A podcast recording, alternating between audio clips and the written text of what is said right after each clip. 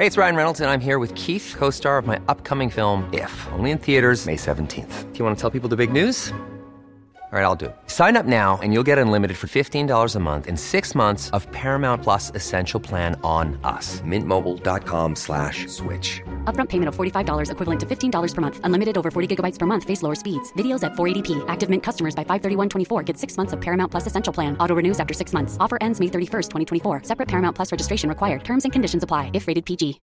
Millions of people have lost weight with personalized plans from Noom. Like Evan, who can't stand salads and still lost 50 pounds. Salads generally for most people are the easy button, right? For me, that wasn't an option. I never really was a salad guy. That's just not who I am. But Noom worked for me. Get your personalized plan today at Noom.com. Real Noom user compensated to provide their story. In four weeks, the typical Noom user can expect to lose one to two pounds per week. Individual results may vary. Hey there, it's Michelle Norris. I'm host of a podcast called Your Mama's Kitchen. When I travel, I'm usually looking for a way to find a taste of home when I'm not at home. And one of the things I love to do when I am at home is entertain. And Airbnb allows me to do that. When I was in California recently, I rented a house that had a great kitchen. And when we were sitting around the table, we we're all thinking, we're in someone else's house. Someone could be in all of our homes as well. If you have a home, but you're not always at home, you have an Airbnb. Your home might be worth more than you think. Find out how much at airbnb.com/slash host.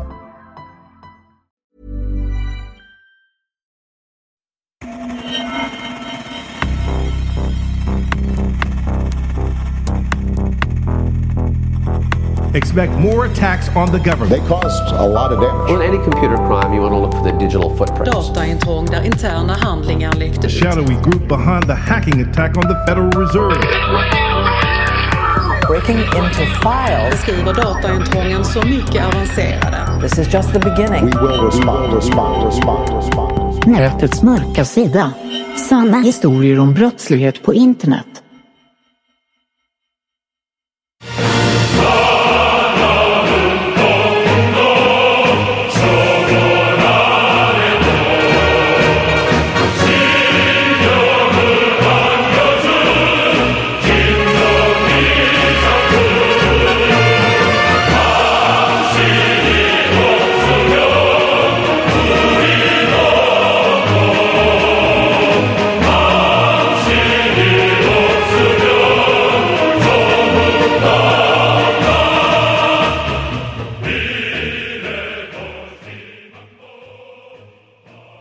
Park Hyok var bara 11 år när militären knackade på hans föräldrars dörr i den fattiga förorten till huvudstaden Pyongyang.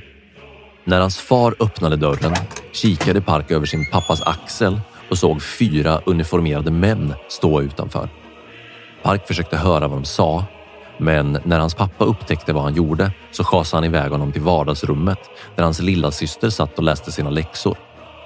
Han satte sig bredvid henne och tillsammans så läste de i läroboken om den store ledaren Kim Il-Sung. Nordkoreas evige president som visste allas bästa och som ledde landet mot eviga segrar. Park och hans syster tittade på den guldglänsande bilden av en muskulös, lång man som med Nordkoreas flagga i handen stod på ett högt berg med en sol av guld och koreanska tecken runt huvudet. Sen tittade han på sin syster som inte hade ätit något annat än kokade blad de senaste två veckorna. Hennes magra kropp var blek och trots att det var över 30 grader varmt inne i deras lilla hus med plåttak så verkade hon knappt svettas alls. Hon såg trött ut och ögonen var blanka. Den stora svälten hade pågått i flera år nu och sedan deras mamma dog för fyra månader sedan så hade allt bara blivit värre. Oroa dig inte lilla syster, sa han lugnt. Den store ledaren ska se till att vi får mat igen. Den här svälten är de orättfärdigas fel. Längre än så hann han inte förrän han hörde ytterdörren stängas och hans far kom in i rummet igen. Hans far, Kim, tittade på honom med en allvarlig min i ansiktet och sen sa han. Det är dags för dig att åka. Packa dina saker. Du har blivit utvald.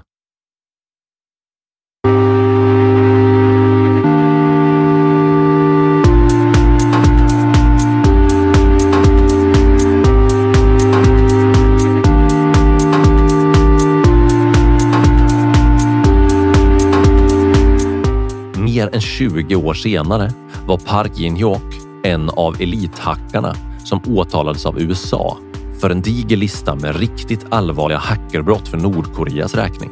Bland annat utpressningsviruset WannaCry och hacket av Bangladesh centralbank. Nordkorea utbildar numera sina hackers med samma metodik som Ryssland och Kina utbildar sina elitidrottare. Med extremt hårda och strategiska utbildningsprogram som drillar barn redan från ung ålder för att de ska kunna stå i fronten för att representera sitt land ute i världen. Men i Nordkoreas fall tränas barnen för att hacka andra länders centralbanker, stjäla pengar och starta cyberkrig mot moderlandets fiender. Lovande adepter identifieras tidigt och tränas stenhårt i specialskolor där de får lära sig att skriva skadlig kod och hacka sig in i främmande nätverk.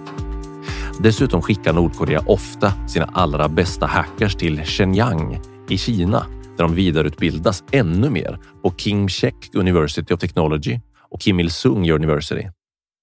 När du väl har blivit utvald av staten så tilldelas du en titel som specialmedborgare och efter det så behöver du inte oroa dig för mat eller andra grundläggande förnödenheter längre. Nordkoreas militära cyberprogram spottar ur sig högutbildade hackers på löpande band och deras specialstatus gör familjerna beroende av att de stannar kvar och gör sitt yttersta för att tillmötesgå militärens krav på att utföra attacker mot Nordkoreas fiender. Idag, 2021, så är Nordkoreas hackers så avancerade att deras hantverk består av skadlig kod som är så sofistikerad att den knappt kan bli upptäckt av antivirusprogram.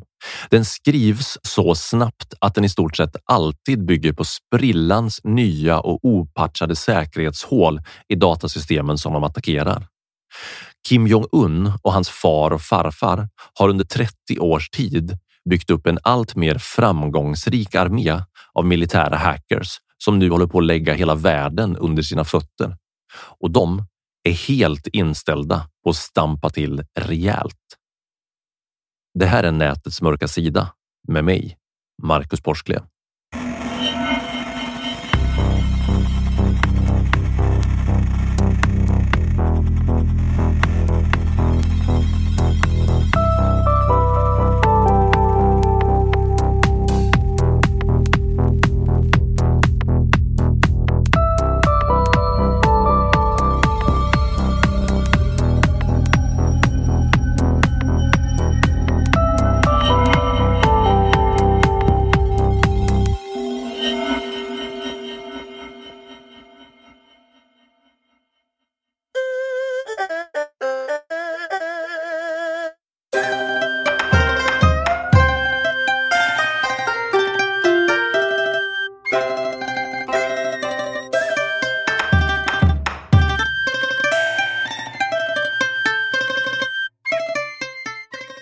I ärlighetens namn så har nog inte Nordkorea mycket till val egentligen.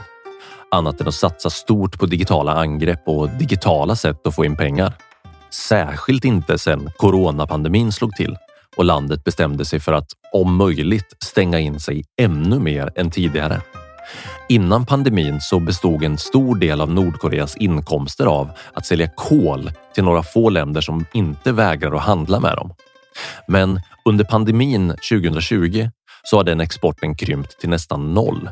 Och aktiviteten från nordkoreanska hackers som försöker gräva fram pengar olagligt på internet har exploderat över hela världen. Att hacka centralbanker, nätfiska och gräva bitcoin utomlands har blivit en ny inkomstkälla för den nordkoreanska regimen och det går bra nu. Gillar du den här podden?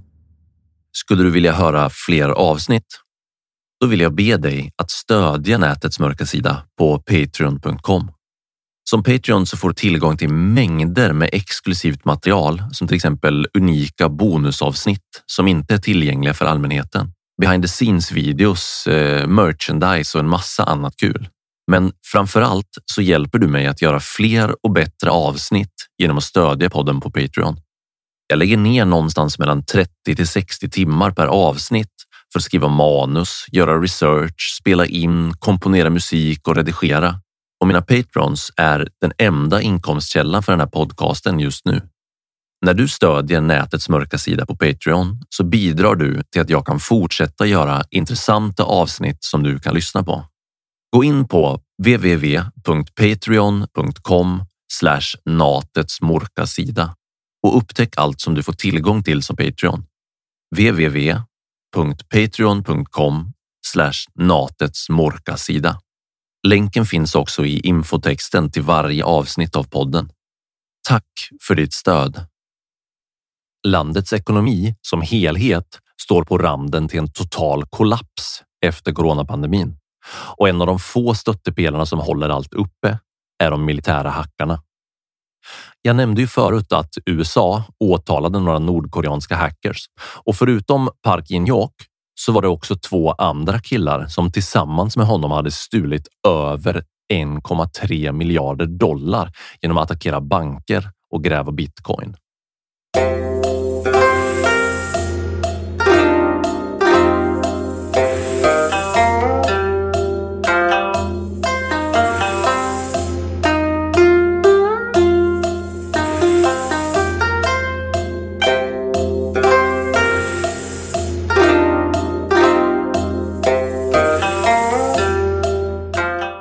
Park Jin-hyok, Kim Il och John Chang-hyok visade sig vara framstående elithackare i Nordkoreas digitala krigsmaskin.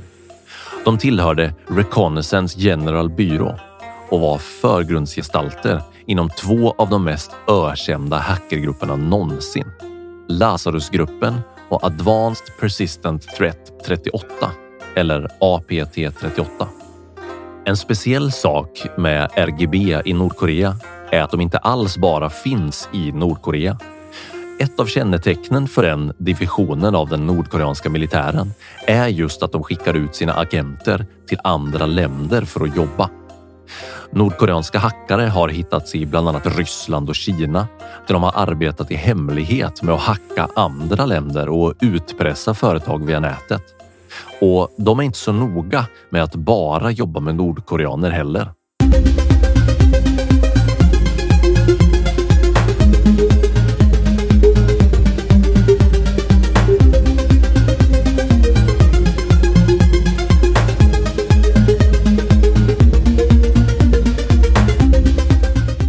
I samma veva som de tre nordkoreanska hackarna blev åtalade så åtalades även Khaleb Alomari en 37-åring från Mississauga i Ontario i Kanada för att han hade tvättat pengar åt de nordkoreanska hackarna. Han erkände sig skyldig direkt och beskrev hur han under lång tid hade hjälpt hackarna att tvätta pengar från ATM cash-out-rån, bankattacker, företagsutpressning och andra bedrägerier på nätet. Dessutom hade Khaleb organiserat flera team med medbrottslingar i USA och Kanada som också hjälpte nordkoreanerna att tvätta sina stulna pengar. Och som grädde på moset så åtalades även två kinesiska medborgare för att ha hjälpt hackarna att hämta ut stulna pengar i Kina. Jag tror att det är svårt för oss som inte bor i Nordkorea att förstå hur det verkligen är att leva där och hur det egentligen fungerar när du är en del av den nordkoreanska krigsapparaten. Men det finns sätt för oss att få mer inblick i Nordkorea och det är att höra berättelser från människor som har lyckats fly därifrån. Vad kan de berätta? Hur är deras bild av landet? Så därför vill jag berätta för er om Jong Hyok.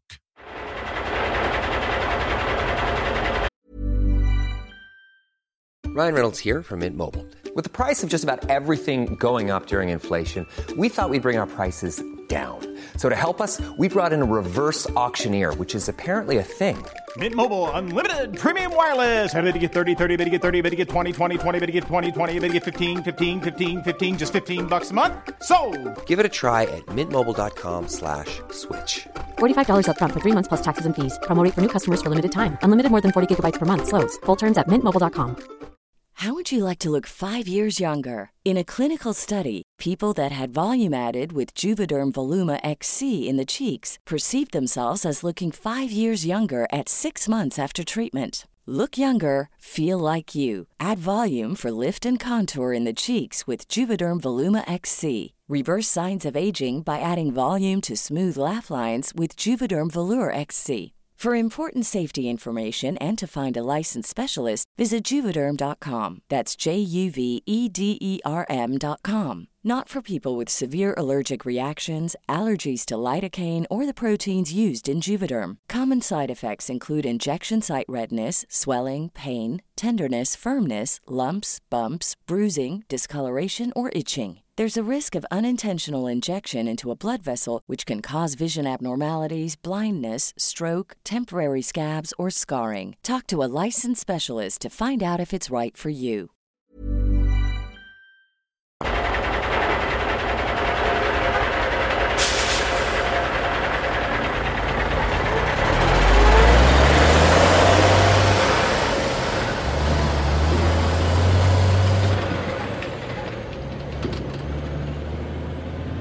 Jong tittade ut genom den immiga rutan på militärbussen. Den var precis på väg att köra ut på bron över Yalu River som förbinder Nordkorea med det kinesiska fastlandet. De var tolv personer i den lilla gröngrå bussen och alla såg ganska obekväma ut där de satt i sina finaste kläder med varsin liten ryggsäck mellan benen. Jong tänkte på vad hans pappa hade sagt innan han åkte. Tänk på att det är en annan värld där ute, dit du ska. Det är inte som här. Men just nu så kändes det mer som att han var på väg att åka raka vägen in i ett tomrum. Det enda han hade med sig i väskan var en burk med bönpasta, lite fermenterad chilipasta, en påse med torkad ansjovis och så ett foto på mamma och pappa från när han tog examen från universitetet i Pyongyang. Han hade inte ens några kläder förutom de han reste i. Jongs föräldrar var regimtrogna och stödde helhjärtat den store ledaren och kommunistpartiet, eller Koreas arbetarparti som de kallade sig då. När Jong växte upp fick han höra historier om hur hans modiga farfar kämpade outtröttligt mot Japans kejserliga armé sida vid sida med Kim Il-Sung under andra världskriget. Egentligen så hade Jong varit mest intresserad av biologi när han gick i skolan och han hade varit riktigt duktig på det. Men när armén fick höra om hans testresultat på dataproven så bestämde staten helt enkelt att han skulle bli en programmerare och ingenting annat. Och det fanns ingen möjlighet att ifrågasätta ett sådant beslut. Det var bara att följa order, även om det krossade hans hjärta att inte få fortsätta med biologin. Efter flera års studier i Pyongyang hade militären valt ut honom och de andra elva som satt på bussen och bestämt att de skulle resa till Kina och använda sina färdigheter som hackers för att skaffa pengar åt den nordkoreanska staten.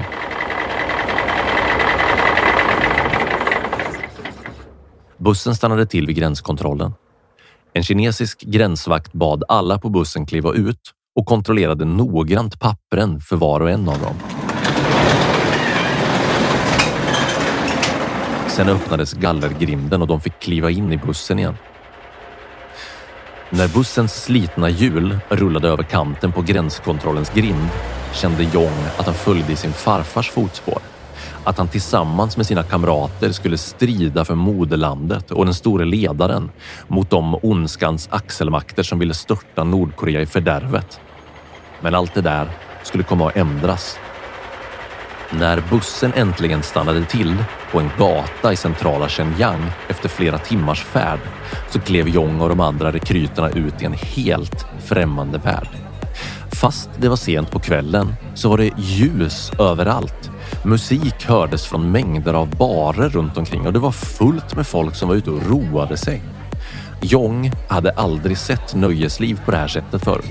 Visst, han hade bott i Pyongyang i några år nu och hade hört talas om de vilda festerna som eliten i kommunistpartiet höll. Men det var väldigt långt från hans eget liv som fattig student inom det militära. Jong hade aldrig ens luktat på alkohol i hela sitt liv och nu såg han folk i varje riktning som drack för glatta livet.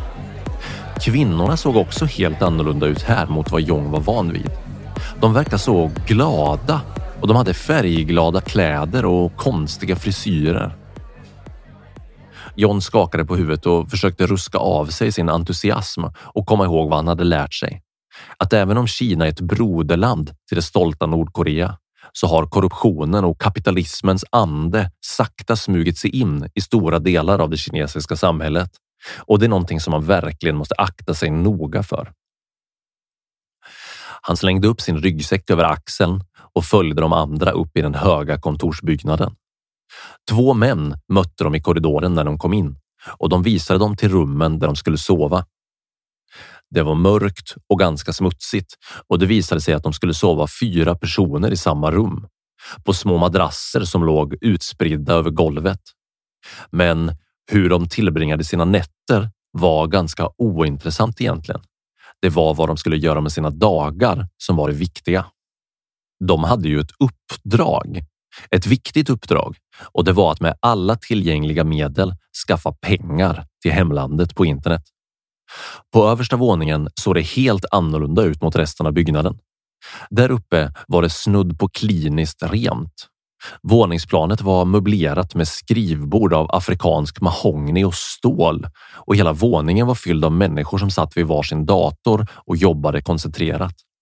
Kontrasten mellan det här och det smutsiga trånga rummet där de sov kunde inte vara större. Men det här var bara början på Jongs resa utanför moderlandet.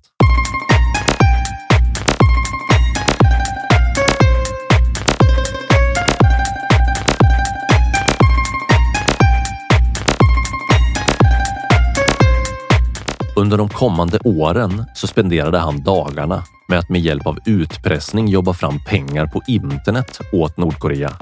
Men på kvällarna gjorde han sånt som han bara hade kunnat drömma om under sitt liv där. Givetvis hade de en högt rankad nordkoreansk övervakare med sig som i teorin skulle hålla koll på vartenda steg som de tog. Men han visade sig vara en ganska lössläppt person och det dröjde bara någon vecka innan Kim, som han hette, bjöd dem alla på varsitt glas rissprit på en av gatans barer. Och efter det var det kört. Det fanns ingen hejd på utsvävningarna som Jong och hans kamrater tog sig för efter jobbet. De gick från bar till bar och drack sig redlösa på billig kinesisk sprit.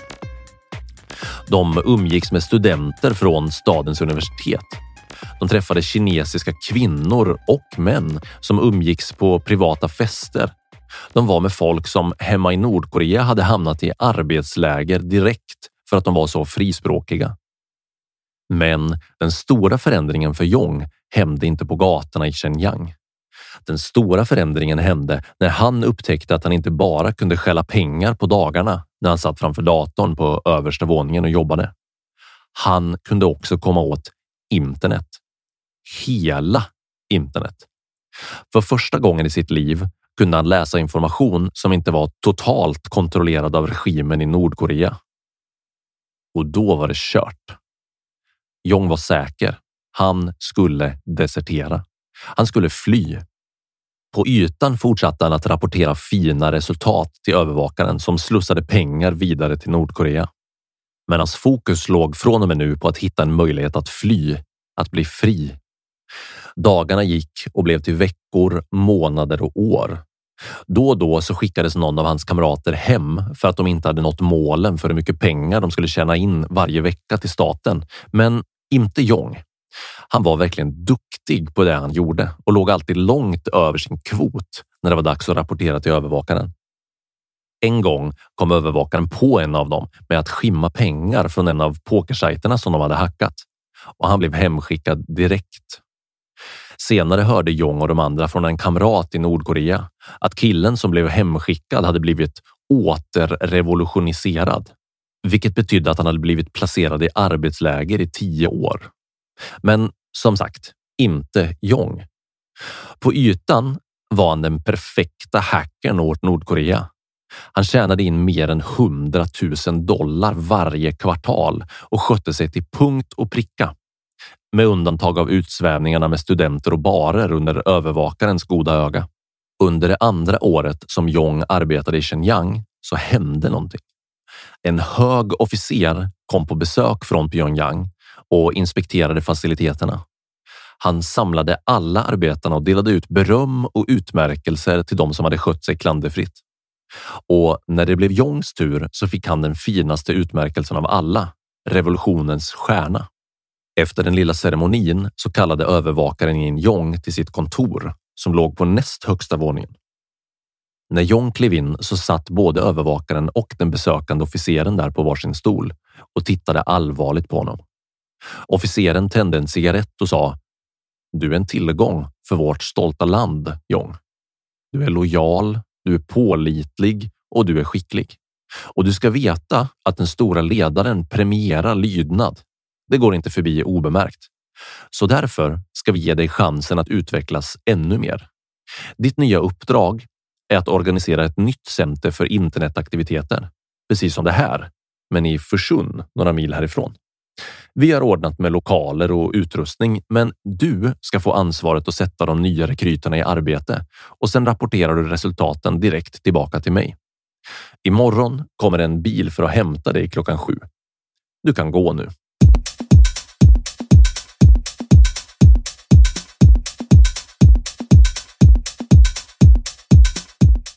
Jong stängde dörren till övervakarens kontor och kände en blandning mellan förtjusning och förfäran inom sig. Två månader senare hade han fullföljt sitt uppdrag med den äran. Det nya centret i Forsun var igång nu och tjänade hundratusentals dollar åt regimen varje månad. Resultatrapporterna till huvudkontoret och övervakaren i Shenyang var mer än bra. Och nu hade Jong fått förtroendet att resa på egen hand mellan kontoren när det behövdes. Och det var nu han skulle göra det. Det var nu han skulle fly från allt.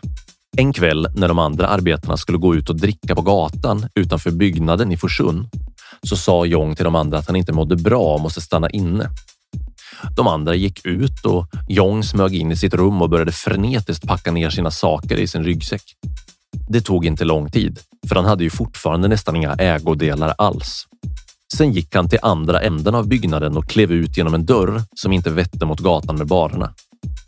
Några veckor tidigare så hade han i hemlighet köpt en luvtröja som han nu hade tagit på sig och för att ingen skulle känna igen honom så drog han luvan hårt över huvudet och gick med stressade steg åt andra hållet. Bort från bargatan och mot busstationen. Ända sedan han hade fått det ärofyllda uppdraget att organisera det nya hackercentret i Forsun så hade Jong satt upp ett hemligt konto på en kinesisk bank. Och sen hade han helt under radarn för övervakarna och de andra överfört små, små summor pengar varje dag från de stora stölderna till det kontot. Det rörde sig om väldigt lite pengar för varje transaktion, bara någon krona här och där.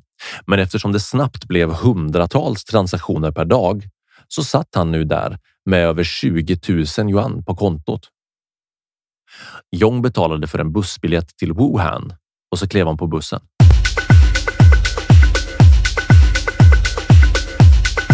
Efter den långa bussresan till Wuhan så uppsökte han ett ställe där han för några månader sedan aldrig hade kunnat se sig själv. Han gick raka vägen till Guanshan-distriktet i Wuhan, närmare bestämt Luyu Road, som i kriminella kretsar främst var ökänt för att vara en central hubb för handeln med fentanyl i hela Asien. Men Jong var inte ute efter fentanyl. Han klev in i en butik med skylten Wang Ji Beef Offal Noodle och sa till kassören att han ville köpa ett paket gyllene nudlar. Kassören nickade och öppnade dörren till köket.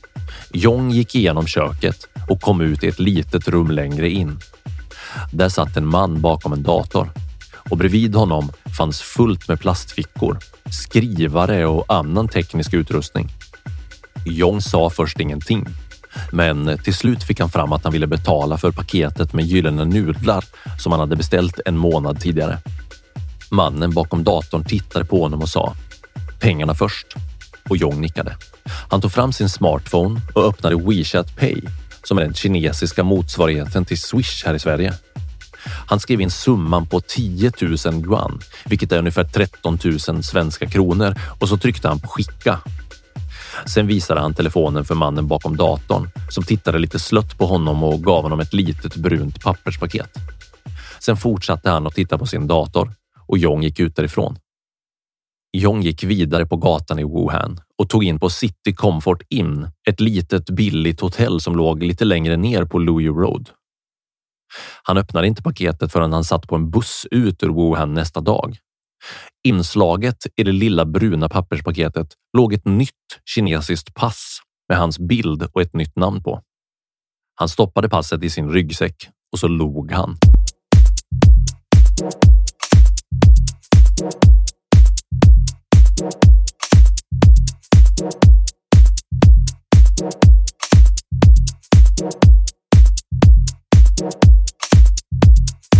Sen väntade flera dagar av långa bussresor. Först söderut i Kina, så långt bort från Shenyang han kunde komma. Sen över gränsen till Laos och till sist in i Thailand och vidare ner till Bangkok.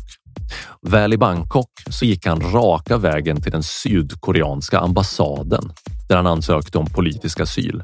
Jong blev kvar en hel månad på ambassaden i Bangkok medan de gjorde säkerhetskontroller på honom innan han slutligen kunde sätta sig på ett plan till Seoul och börja sitt nya liv som en fri man långt bort från de nordkoreanska hackercentren i Shenyang och Forsun.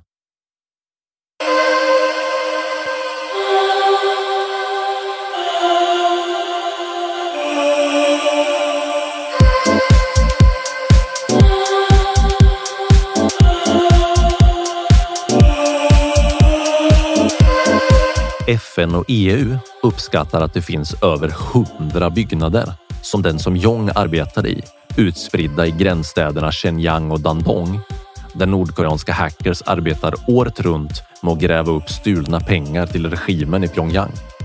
Kina har faktiskt gjort en del tillslag mot sådana här verksamheter de senaste åren, inte minst för att slippa sanktioner från FN. Men det enda som har hänt i praktiken är att verksamheterna helt enkelt har flyttat till andra platser som Ryssland och Malaysia istället. De drar helt enkelt in för mycket pengar till den nordkoreanska staten för att det ska vara värt att överge verksamheten. Nordkorea har alltså gått från att vara ett u-land inom IT till att bli en av världens mest fruktade hackernationer på bara några årtionden. Inte minst med hjälp av att konstant begå allvarliga brott på internet och genom strikt kontroll och förtryck av sina medborgare som tvingas in i hackerdivisionerna inom militären. Exemplen som vi har tittat närmare på i det här avsnittet är verkligen bara toppen på ett gigantiskt isberg. Och så länge Nordkorea fortsätter att vara en av de hårdaste diktaturerna i världen så kommer de att fortsätta hacka resten av världen för att tjäna pengar och för att få politiskt inflytande. För mig personligen så har arbetet med det här avsnittet förändrat min egen syn på Nordkorea som land. Min bild av Nordkorea som ett underutvecklat land utan något särskilt inflytande över det globala internet har ändrats. Och kanske så finns det en sensmoral att ta med sig från de här historierna. Kanske är det så att förtryckande diktaturer inte längre måste handla om att bara tvinga folk till blind lydnad och kontroll, utan att moderna diktaturer har lärt sig att utnyttja möjligheterna som internet ger, precis som alla andra länder. Och kanske måste vi i resten av världen förstå att Nordkorea inte kommer att försvinna bara för att vi isolerar dem med handelssanktioner. Det räcker helt enkelt inte när det finns så många sätt för regimen att kringgå hindren och skaffa pengar och varor på olagliga vägar istället. Men kanske finns också nyckeln till att öppna upp Nordkorea också på internet. Kanske är det mer kommunikation, mer information som är lösningen. För varje person som lyckas fly, som hacken Jong Hyok, så kanske fler människor i Nordkorea inser att det finns ett alternativ till misären i diktaturen.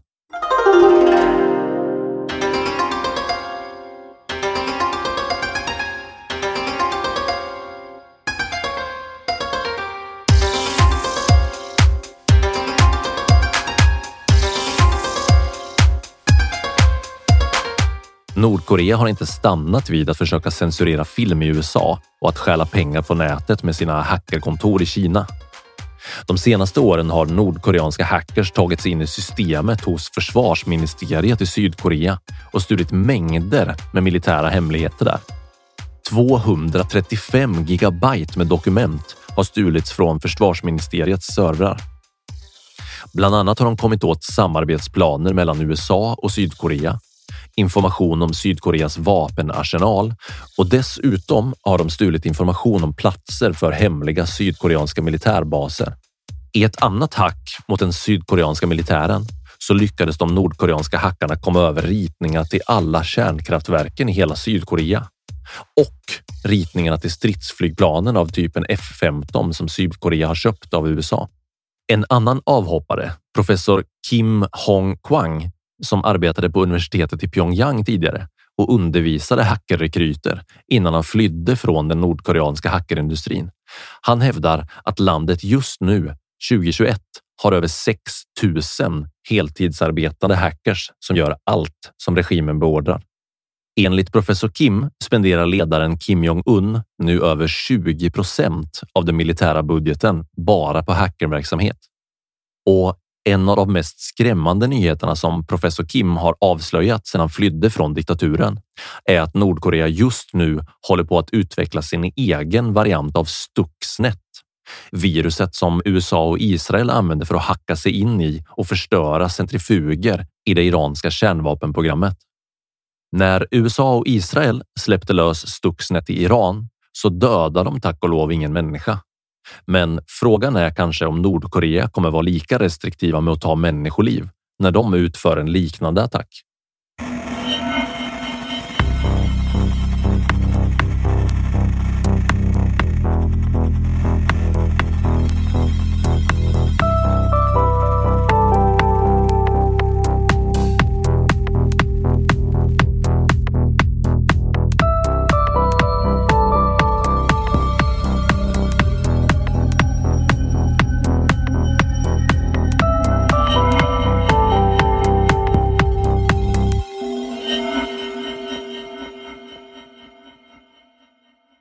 Du har lyssnat på Nätets mörka sida med mig, Marcus Porsklev. Planning for your next trip? Elevate your travel style with Quince. Quince has all the jet-setting essentials you'll want for your next getaway, like European linen, premium luggage options, buttery soft Italian leather bags, and so much more. And it's all priced at 50 to 80% less than similar brands. Plus, Quince only works with factories that use safe and ethical manufacturing practices. Pack your bags with high-quality essentials you'll be wearing for vacations to come with Quince. Go to quince.com slash trip for free shipping and 365-day returns. Hi, I'm Daniel, founder of Pretty Litter. Did you know cats tend to hide symptoms of sickness and pain? I learned this the hard way after losing my cat, Gingy. So I created Pretty Litter, a health monitoring litter that helps detect early signs of illness by changing colors, saving you money and potentially your cat's life. Pretty Litter is veterinarian developed, and it's the easiest way to keep tabs on your fur baby's health right at home. Go to prettylitter.com and use code ACAST for 20% off your first order and a free cat toy. Terms and conditions apply. See site for details. Even when we're on a budget, we still deserve nice things. Quince is a place to scoop up stunning high end goods for 50 to 80% less than similar brands. They have buttery soft cashmere sweaters starting at $50, luxurious Italian leather bags, and so much more. Plus, Quince only works with factories that use safe, ethical, and responsible manufacturing. Get the high-end goods you'll love without the high price tag with Quince. Go to quince.com/style for free shipping and 365 day returns.